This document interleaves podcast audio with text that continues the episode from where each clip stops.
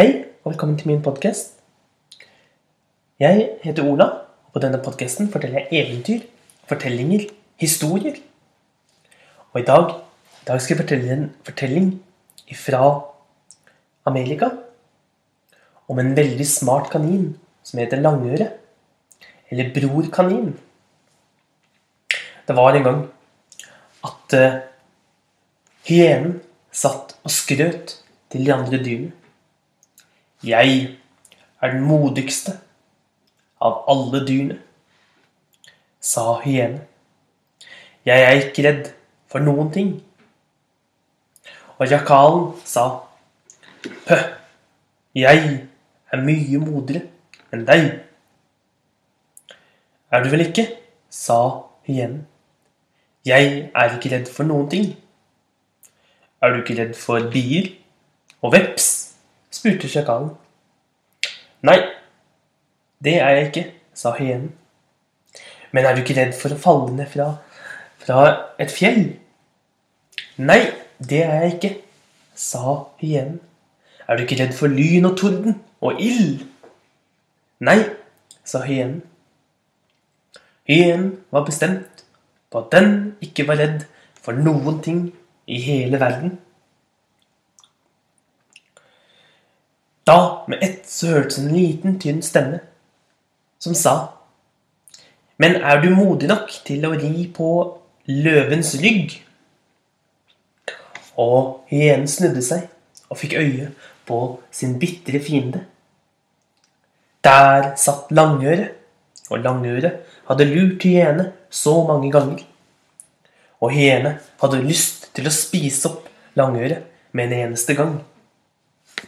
Men han ventet og hørte hva Langøret hadde å si, siden alle de andre dyrene var der. Er du modig nok til å ri på løven? spurte, spurte Langøret på nytt. Ingen kan ri på løven. Ingen er modige nok til å ri på løven, sa hyenen sint. Jeg, er, jeg tør å ri på løven, sa, sa den lille kaninen. Du, sa hyenen og begynte å le og le og le. Og når han hadde ledd ferdig, så sa han, ja, det må du vise oss alle sammen. Så tenkte han med seg selv, så kan løven spise deg, så er jeg kvitt deg.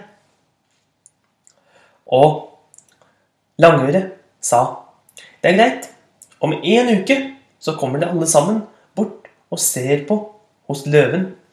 For da skal jeg vise at jeg skal ri på ryggen av selveste løven.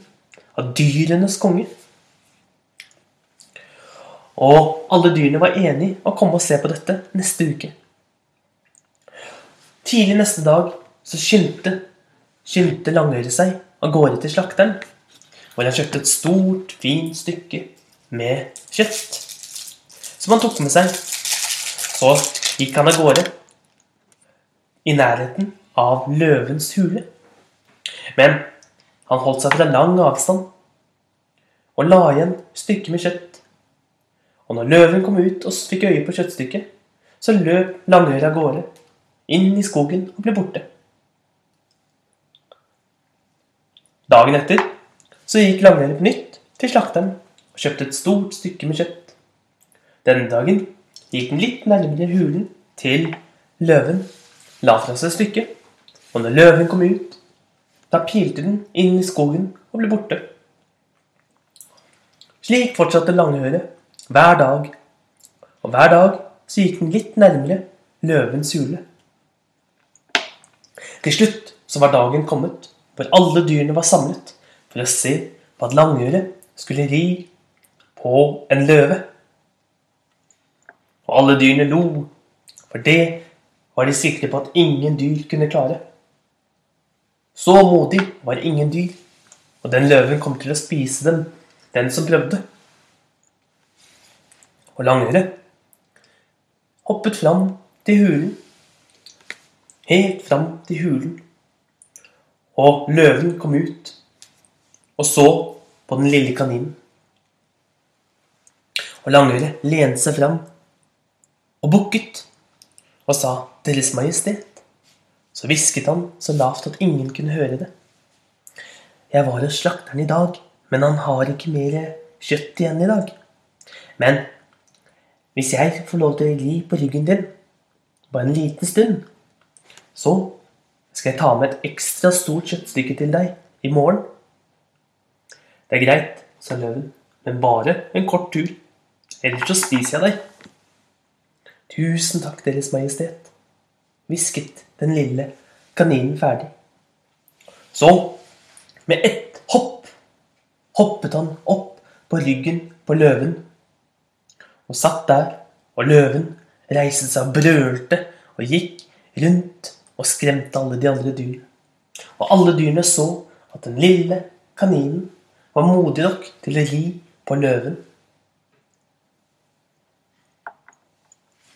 Og den lille kaninen hoppet av og forsvant inn i skogen.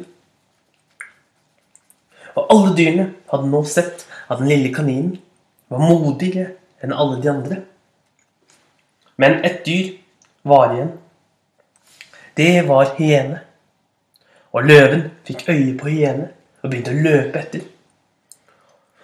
Og hyene løp så fort, så fort hun kunne av gårde mens hun ropte 'Hjelp, hjelp, hjelp!' Og løven løp etter. 'Du skal bli min frokost!' Og det var fortellingen om, om Langøre, og hvordan han red på en løves rygg